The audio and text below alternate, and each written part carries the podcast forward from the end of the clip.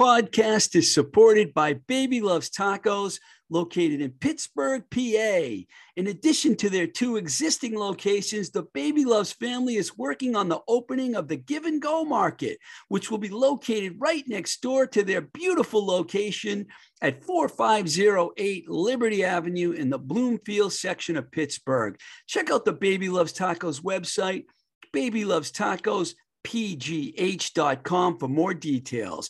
Baby loves tacos where everybody eats. This podcast is also supported by Disorder Vintage. Do you have a bunch of old 80s or 90s rock t shirts and other memorabilia laying around the house that you want to make some cash from? Disorder Vintage buys and sells vintage t shirts, emphasizing a curation of 80s and 90s alternative music products. And they've been doing so since 2017. As they say, t shirts are temporary. Good taste is forever. You can reach Ryan at Disorder Vintage at disordertracks at gmail.com or on Instagram at Disorder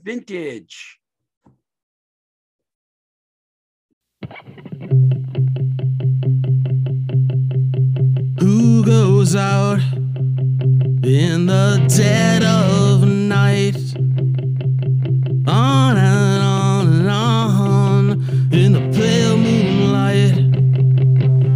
And how did you get to say just how it goes? How you get to say how it goes and goes and goes.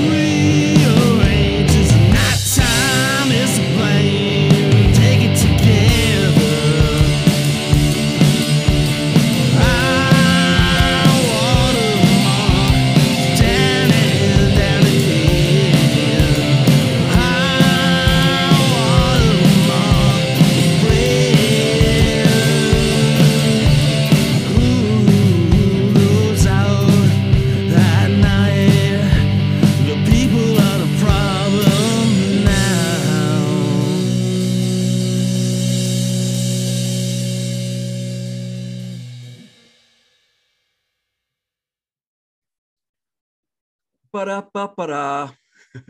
Welcome to Blowing Smoke with Twisted Rico. I'm your wacky host, Steve Ricardo. You just heard a brand new tune from a band called Canyons and Locusts. That tune was called Night of the Locust. It's on Red on Red Records. They sent this one over to me. I love the record so much that I reached out to the band. And today I'm going to play an interview for you with Justin and Amy. So stay tuned. We're going to get to that shortly. But first, I want to talk to you about something that I've been pretty obsessed with lately. Maybe not just lately, but for a long time. And that's music placement on TV shows and in films. I mean, I've been into this all along for a long time, and I'll give you a little history on that. But first, I want to tell you why I'm talking about this today.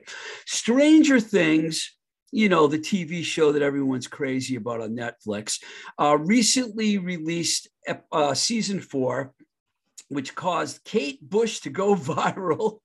And this is the perfect example. I know this has happened before, a la The Sopranos and Don't Stop Believing. And there's been plenty, plenty of other examples I could give you. But I love when shows pull out more obscure tunes and bring them to life for older tunes years later. Artists, especially, you know, especially the songwriters, can make a few bucks off licensing. I saw that firsthand with a nice run I had going with MTV back in the mid 2000s. There was a show called Made, and they used a ton of songs from artists I worked with. Same thing with my super sweet 16. That's right, I'm not kidding. These fantastic teenage shows. Even Breaking Bonaduce used a charm song once. And you know, TV commercials obviously play a lot, pay a lot more money than tracks on film or TV do, because I've been involved with some TV commercials as well with different bands. But you know, it's much cooler to have a song in a TV show or in a film.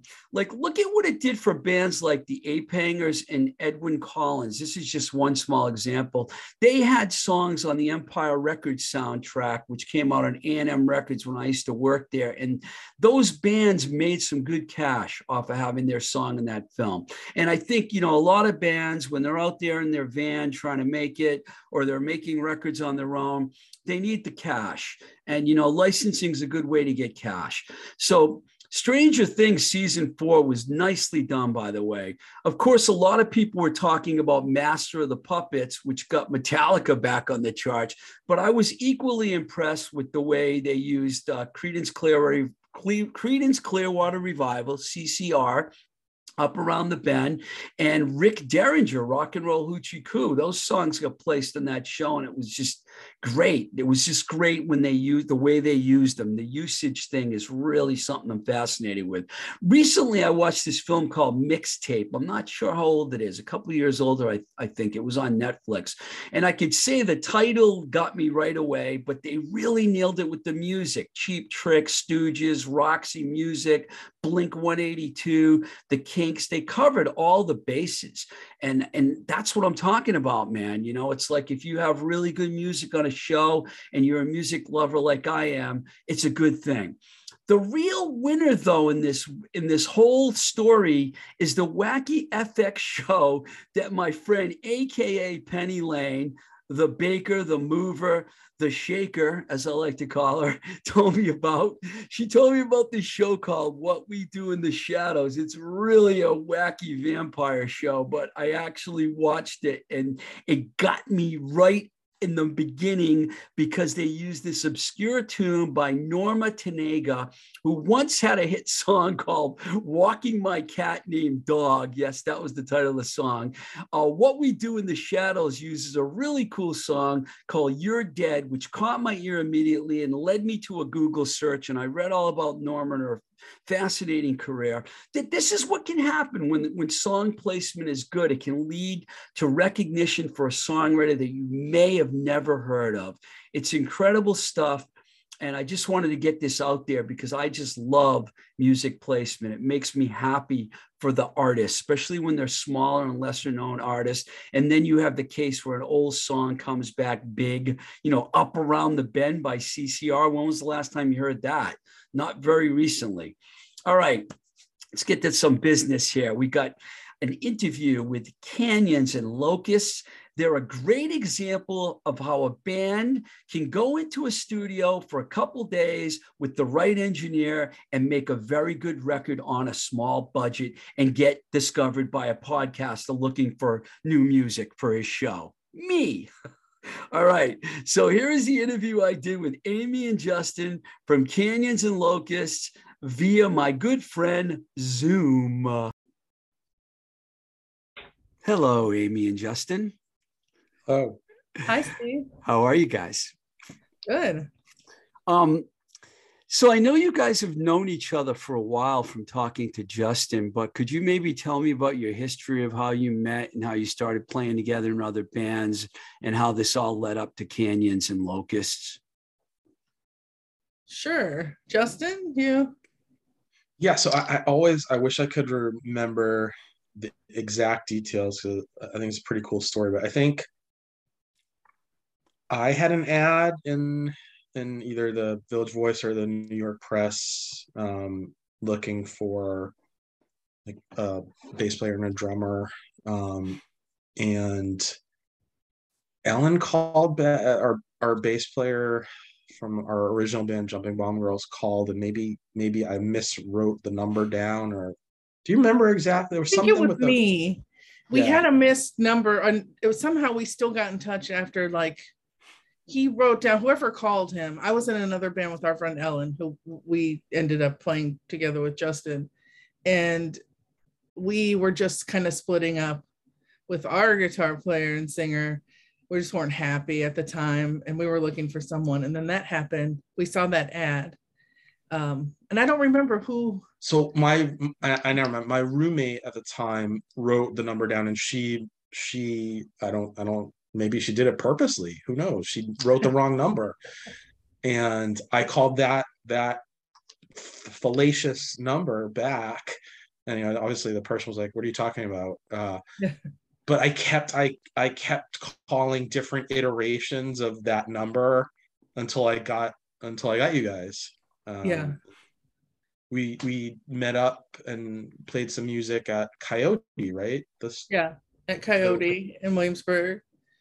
We were all in New we were in New York City at the time, and, and Mhm. we met up at um, Coyote Studios in Williamsburg, um, in Brooklyn, and played for a couple of hours. Um, maybe we had some beers during that time, possibly, and it was awesome. And we were just like How long ago was that?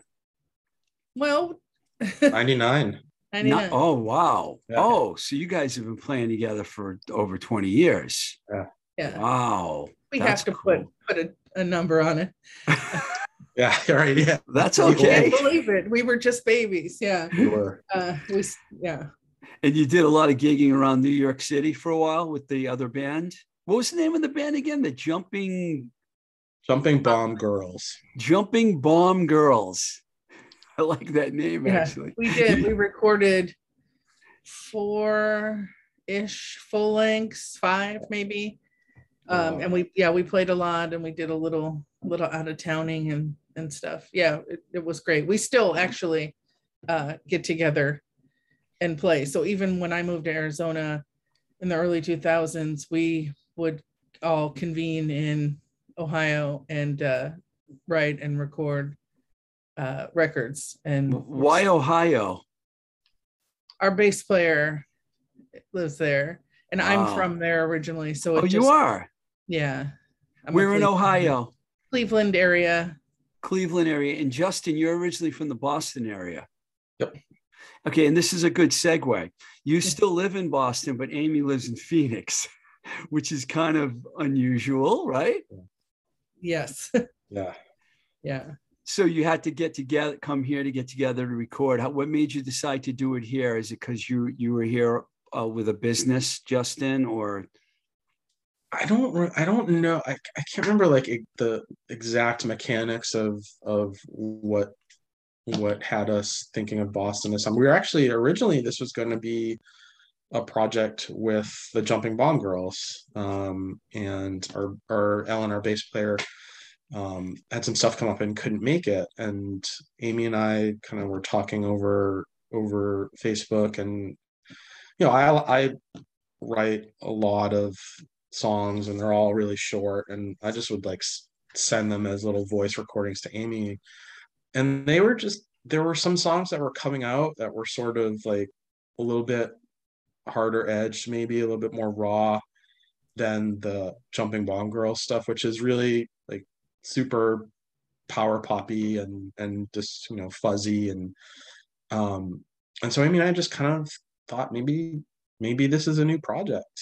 Um and let's let's push this forward um Yeah. and- So I was like, uh, let, let's do it out there. And so um, I reached out to Malibu Lou from Rum Bar and said, hey, you know, give me the rundown, give us the rundown on some studios. And he gave, you know, he's Lou, so he's thorough and nice. And he gave a, a real detailed list of some studios. And um, we picked Ethan.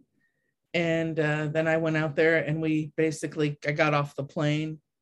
We went right to the studio, only with the voice snippets that Justin had sent.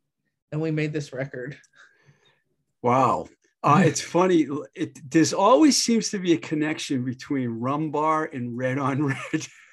it's like the two labels are so intertwined in so many ways. It's it's it cracks me up. It's just like one of those things where I get confused all the time on what band's on what label. I really do, because some of the people are on both labels. So, you know, it's like, you don't know. So that's funny that Lou sent you a Lou's the one that helped you get recorded. And then Justine at Red on Red released your record, which was going to be my next question, actually. How did you guys end up hooking up with Red on Red? Please say that Lou sent you to Red on Red.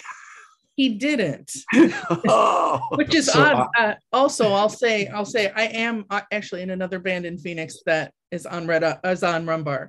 So, He okay. knows, Oh, he knows you guys.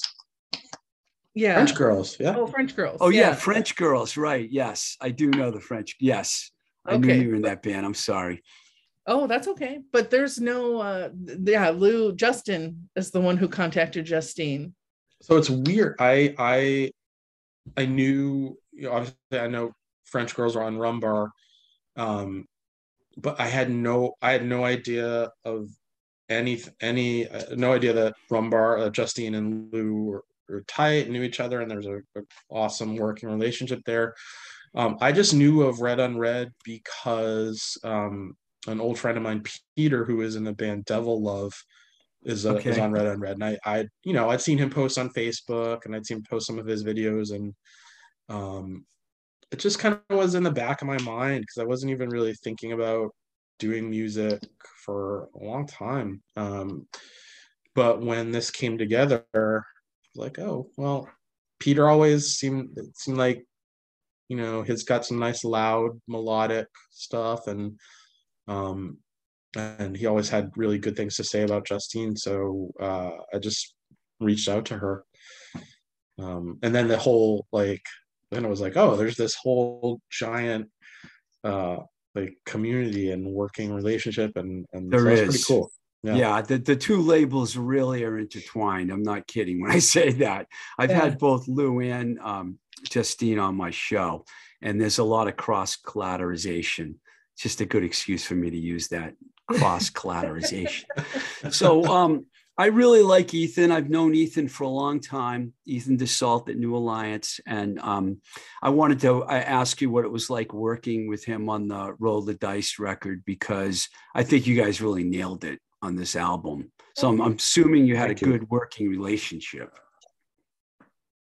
Yeah, he's uh, you know, in a way a little different than some places that we work. You know, some people were really like focused on creating the fun, jovial environment, and he is like a very work focused. Yes. Um, and you know, it, it's it's different, but it really works. It worked, you know, it just worked. You know, he, you know, he gave he gave us as much or he gave us as much input as we wanted, you know, and then he kept everything rolling. And then I think the real truth with him comes out you know in the in the final product i don't know justin what do you what do you think Yeah, I think. I mean, I think you, Amy, you and I were both like, we've never sounded this good. Like both just just as a band and as uh, playing together, but also our individual instruments. Um, I thought that the the drums and the guitar both sounded like really how we wanted them. We've we've wanted them to sound for a while, a long time. yeah Um, he gave us everything we wanted for sure yeah and, and he did you know in his own way i think he did he did a really good job at sort of i remember at, at one point he was like no noisy is okay. I was like all right good. You know like uh, I know Ethan fairly well because we pass each, we talk a lot and we, we, we're in the same building a lot.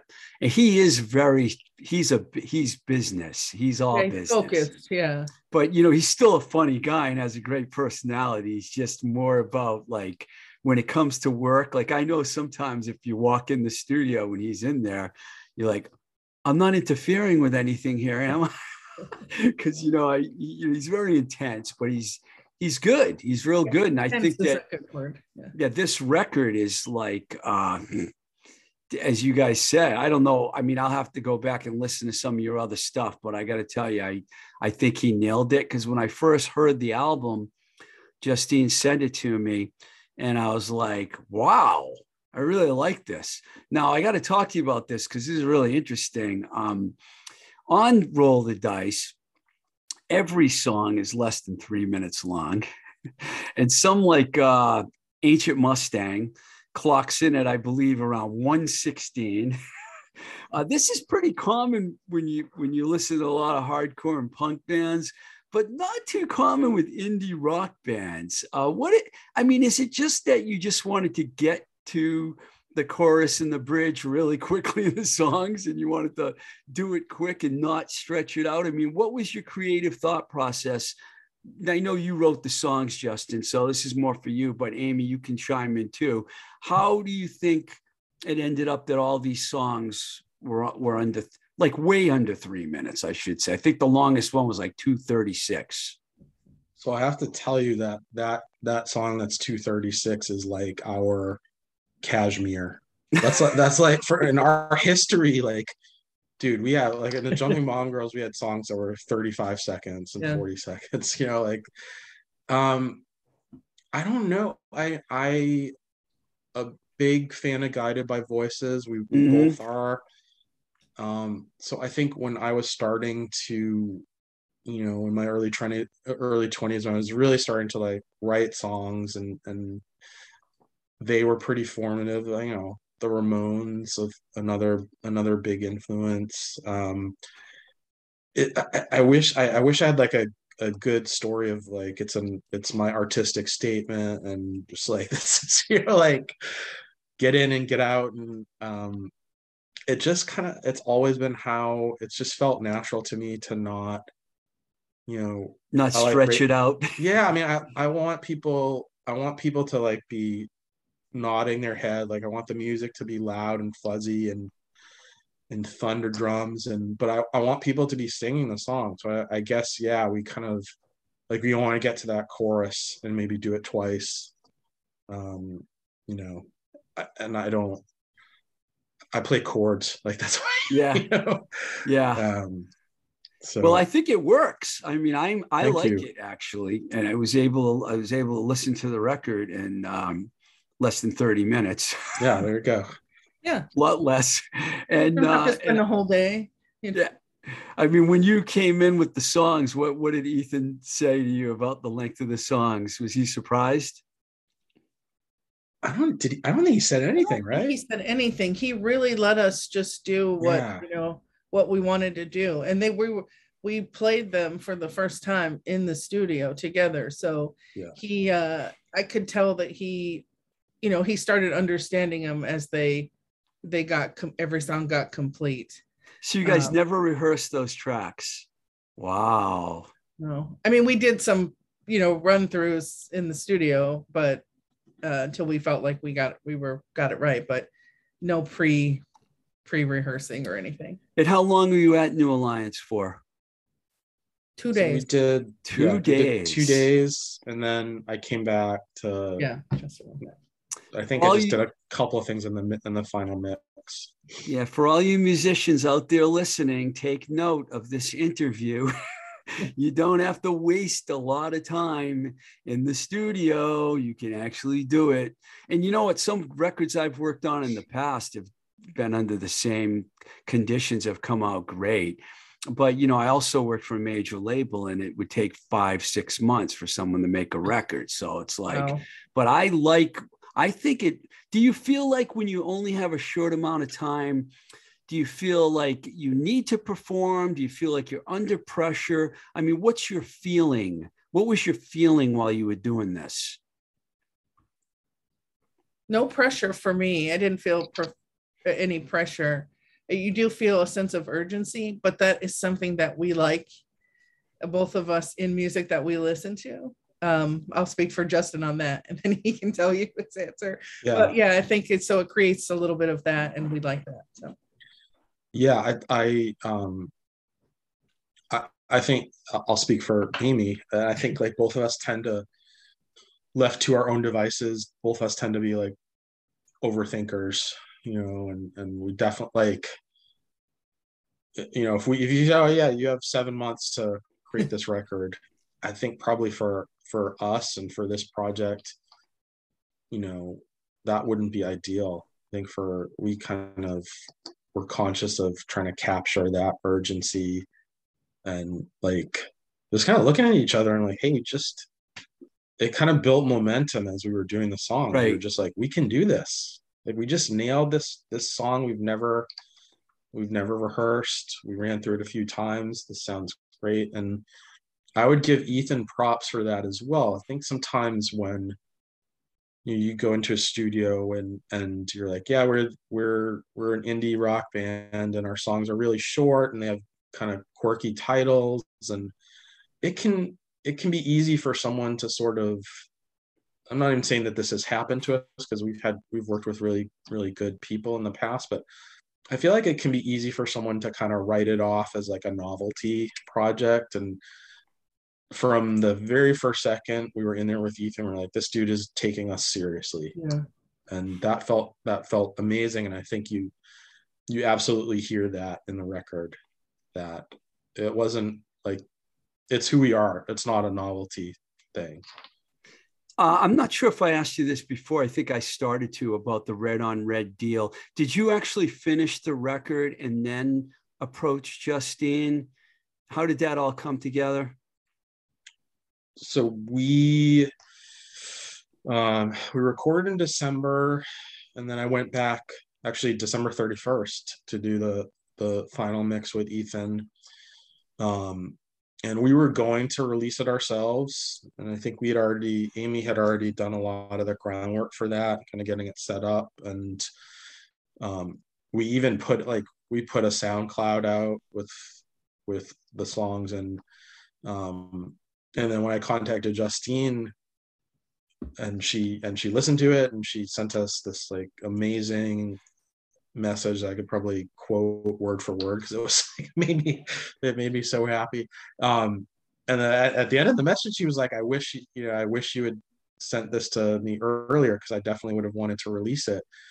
And Amy was like, you know, we were talking and it was like, we can do this. Like it's all there already. We don't have to we don't have to put it out ourselves and then i wrote her back and i said we're we're absolutely willing to put whatever whatever plans we had to get it out there on like to scrap them and have you do it would you be interested in it and she said yes That's fantastic, man. Yeah.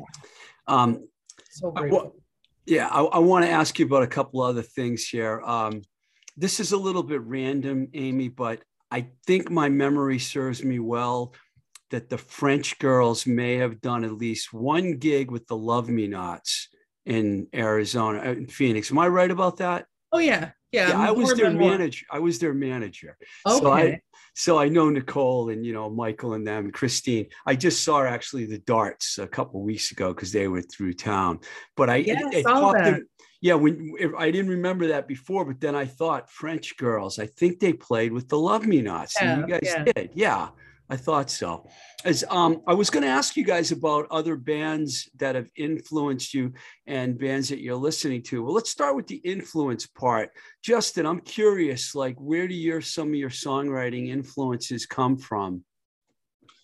um guided by voices is a big one Yeah, um Husker Du and Sugar, Bob Mould is huge. Um, those are kind of, I think those are those are sort of the two like big touchstones for me. Um, I like you know melody is super important to me. I want people to sing. I want people to. I want our songs to be catchy, um, but also like really loud, fuzzy guitars have always been um, always been important to me and you know like jesus jesus and mary chain a lot of feedback um and then just growing up i think um i'm grew up at a nice time here in boston where like the old like bcn and zlx and the oldies stations were playing a lot of you know like the the classic rock station would play a lot of like really great one hit wonders like with you know just good pop songs, good rock songs. And now you turn on classic rock and it's like, oh, we're gonna hear Pearl Jam for the 58th time Yeah. the last, you know. So I think that's kind of the big stuff for me. Yeah, kind of 80s ish, I guess you're talking 80s, 90s. Husker Du went into the 90s. Yeah, it makes sense to me that you would like those bands. Absolutely. What What about you, Amy? I mean, is there any drummers that you like channel, channeled? I mean, you know, I'm like a elderly person. You know, I've been listening to, you know, that. You're not know, that um, elderly. Come on. No, I'm just, uh, just you know, for a long time. But I, you know, early on, I always liked really great, simple drummers. You know, um, Jerry Nolan, Charlie Watts. Not that they're simple, wow. but just uh, you know that you know it's effective and perfect to me. And you know now I, I watch everybody and I, I love everyone Dale Crover you know people that just do amazing stuff. So all you know i like uh, many genres so i try to watch the instrumentation in all that. But yeah i mean i'm influenced by a lot of music. I, I couldn't even you know but i think for us a lot of our love of like 90s indies rock 90s indie rock comes into play and then old punk stuff we're getting a lot of GBV meets gun club you know on our in some of our early reviews Gun and, Club. Good yeah one. which is you know a huge favorite of mine i'm a you know I love that you said Jerry Nolan. I love that you said Jerry Nolan first. That was great. My friend Yeah. Greg Allen was the singer of Jerry Nolan and the Profilers. Oh, So, wow. so he would he'll love he'll be happy. Yeah, he was a drummer also. Greg was, but uh, that's really yeah. Char- I was thinking that the that Charlie Watts was going to be something that was going to that you. I thought you were going to mention Charlie for some reason. Absolutely. So, what do you guys think- listen? I'm sorry. Go ahead. So just jump in and say, uh, just on like playing our instruments, I think one of the things that I love, I loved the most about this record is is just the experience of making it. Is like, I think both both Amy and I are are pretty self-effacing in terms of like our our belief in our own instrumentation, like you know. But I think for both of us on this record, you know, there are times where I I was like astounded by the stuff that Amy came up with, and and I think, and I feel like she, yeah oh yeah, I feel like we both were like, not that we're, you know we're always fans of each other, of course. like I think this kind of took it up to another level. And we're both like, oh man, like you're really good at like this, you know, like this stuff is really a little new for both of us, and I I think that um, so I it's it's kind of cool for me to to hear Amy talk about like where her where her style comes from. Um, you know, Are you guys listening? Go ahead.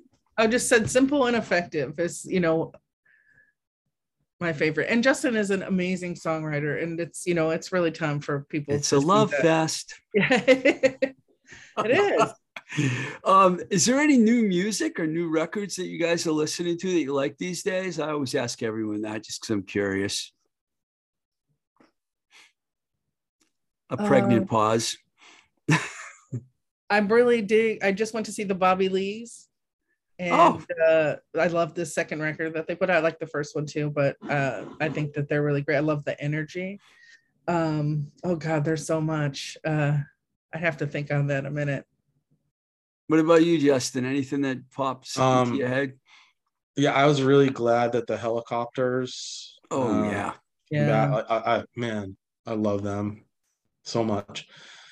Um, so their new stuff. Um, I was happy that Ghost came out with another new record. You know, I guess these aren't like new new bands, but um, Yeah. The last Yeah. couple G- GBV records have been Uh, great. amazing. Um, yeah. So before I let you go, um, are you going to be able to get together and tour? Yes. Do you think there'll be a Boston show? Yes. There we've got some planned in late October and early November. Yep. Are you going to do like a full-on national tour? Are you going to piece something together regionally? Regionally, do you know yet? I think we're gonna do some stuff out here in the end of the summer in, in Phoenix and then Boston and then uh I haven't really told a lot of folks, but I'm relocating at the end of the summer to Connecticut. So Oh, yes, it's a New England band. the New England band. uh, people are really excited. I've had a few people who live in that area officially welcome me to New England. So that seems like it, it must be a thing people like to do to welcome you to that region. Uh, so we'll be in a closer proximity. So we'll be able to, you know, do do more live. As Yeah, someone, as, as I was going to say, as someone that's lived in Phoenix, I used to live near Seventh Avenue in McDowell, by the way. Oh, I For- live very close to there. Yeah, I, li- I lived there for a few years, and and lives in New England. It's a lot different. so get ready for that. Don't scare her away. I mean, I I'd much rather be driving around in Arizona than Massachusetts, but you know, you'll you'll see what I mean once you get here. Yeah, I'm- I'm, I, I'm excited to for us to play because I think that um, I think that will it'll sound pretty cool, and and maybe di- a little bit different than the record. Um, Yeah. I think it's I think we got something. that I'm excited to get in front of people. Well, I'm I thank you for taking the time to talk to me. I'm I'm excited Thank about you. your record. I'm going to play a few tracks from it on, on the show here. Cool. And um I wish you guys the best of luck and good luck with Red on Red. I think you're in good hands with Justine. She's awesome. So uh congratulations on Yeah, this. thank this you. Great We're gonna Thank you so much. We're gonna make you come out to a show. Absolutely. I can't wait to see you guys live because I love the songs. Thank, Thank you. you. Steve. All right, That's guys. very nice to Thank you. All right.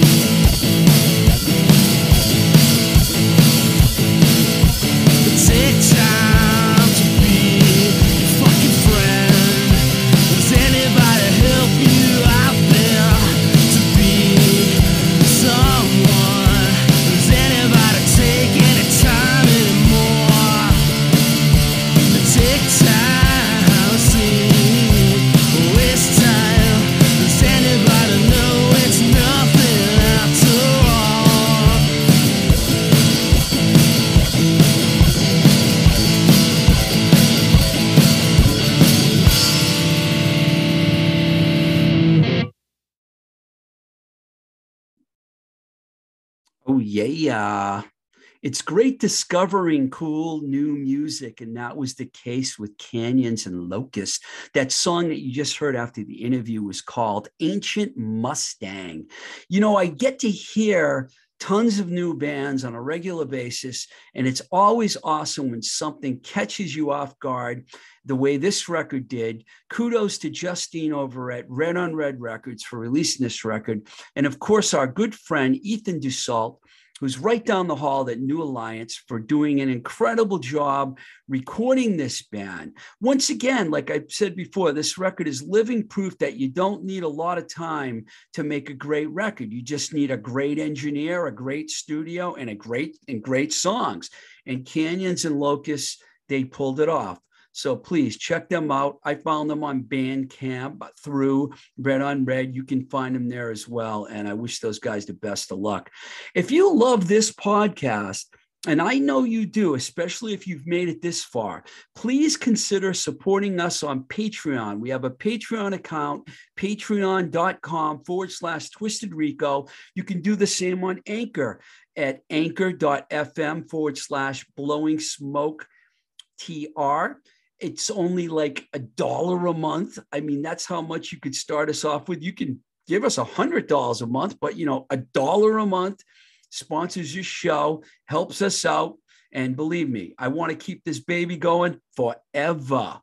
Uh, if you want to contact me, I'm easy to find, twistedrico at gmail.com. And especially if you're in a band or you're at a record label, you're a manager, all stuff I did. please send me your music. I'll be glad, I'll gladly check it out. And you never know, you might hear this song or you might hear yourself on this podcast. So that's going to do it for another week. Another one bites the dust, as they say. Until the next time we say goodbye, this is Blowing Smoke with Twisted Rico. I'm your host, Steve Ricardo. Keep the rock and roll alive. Take it away, Charms.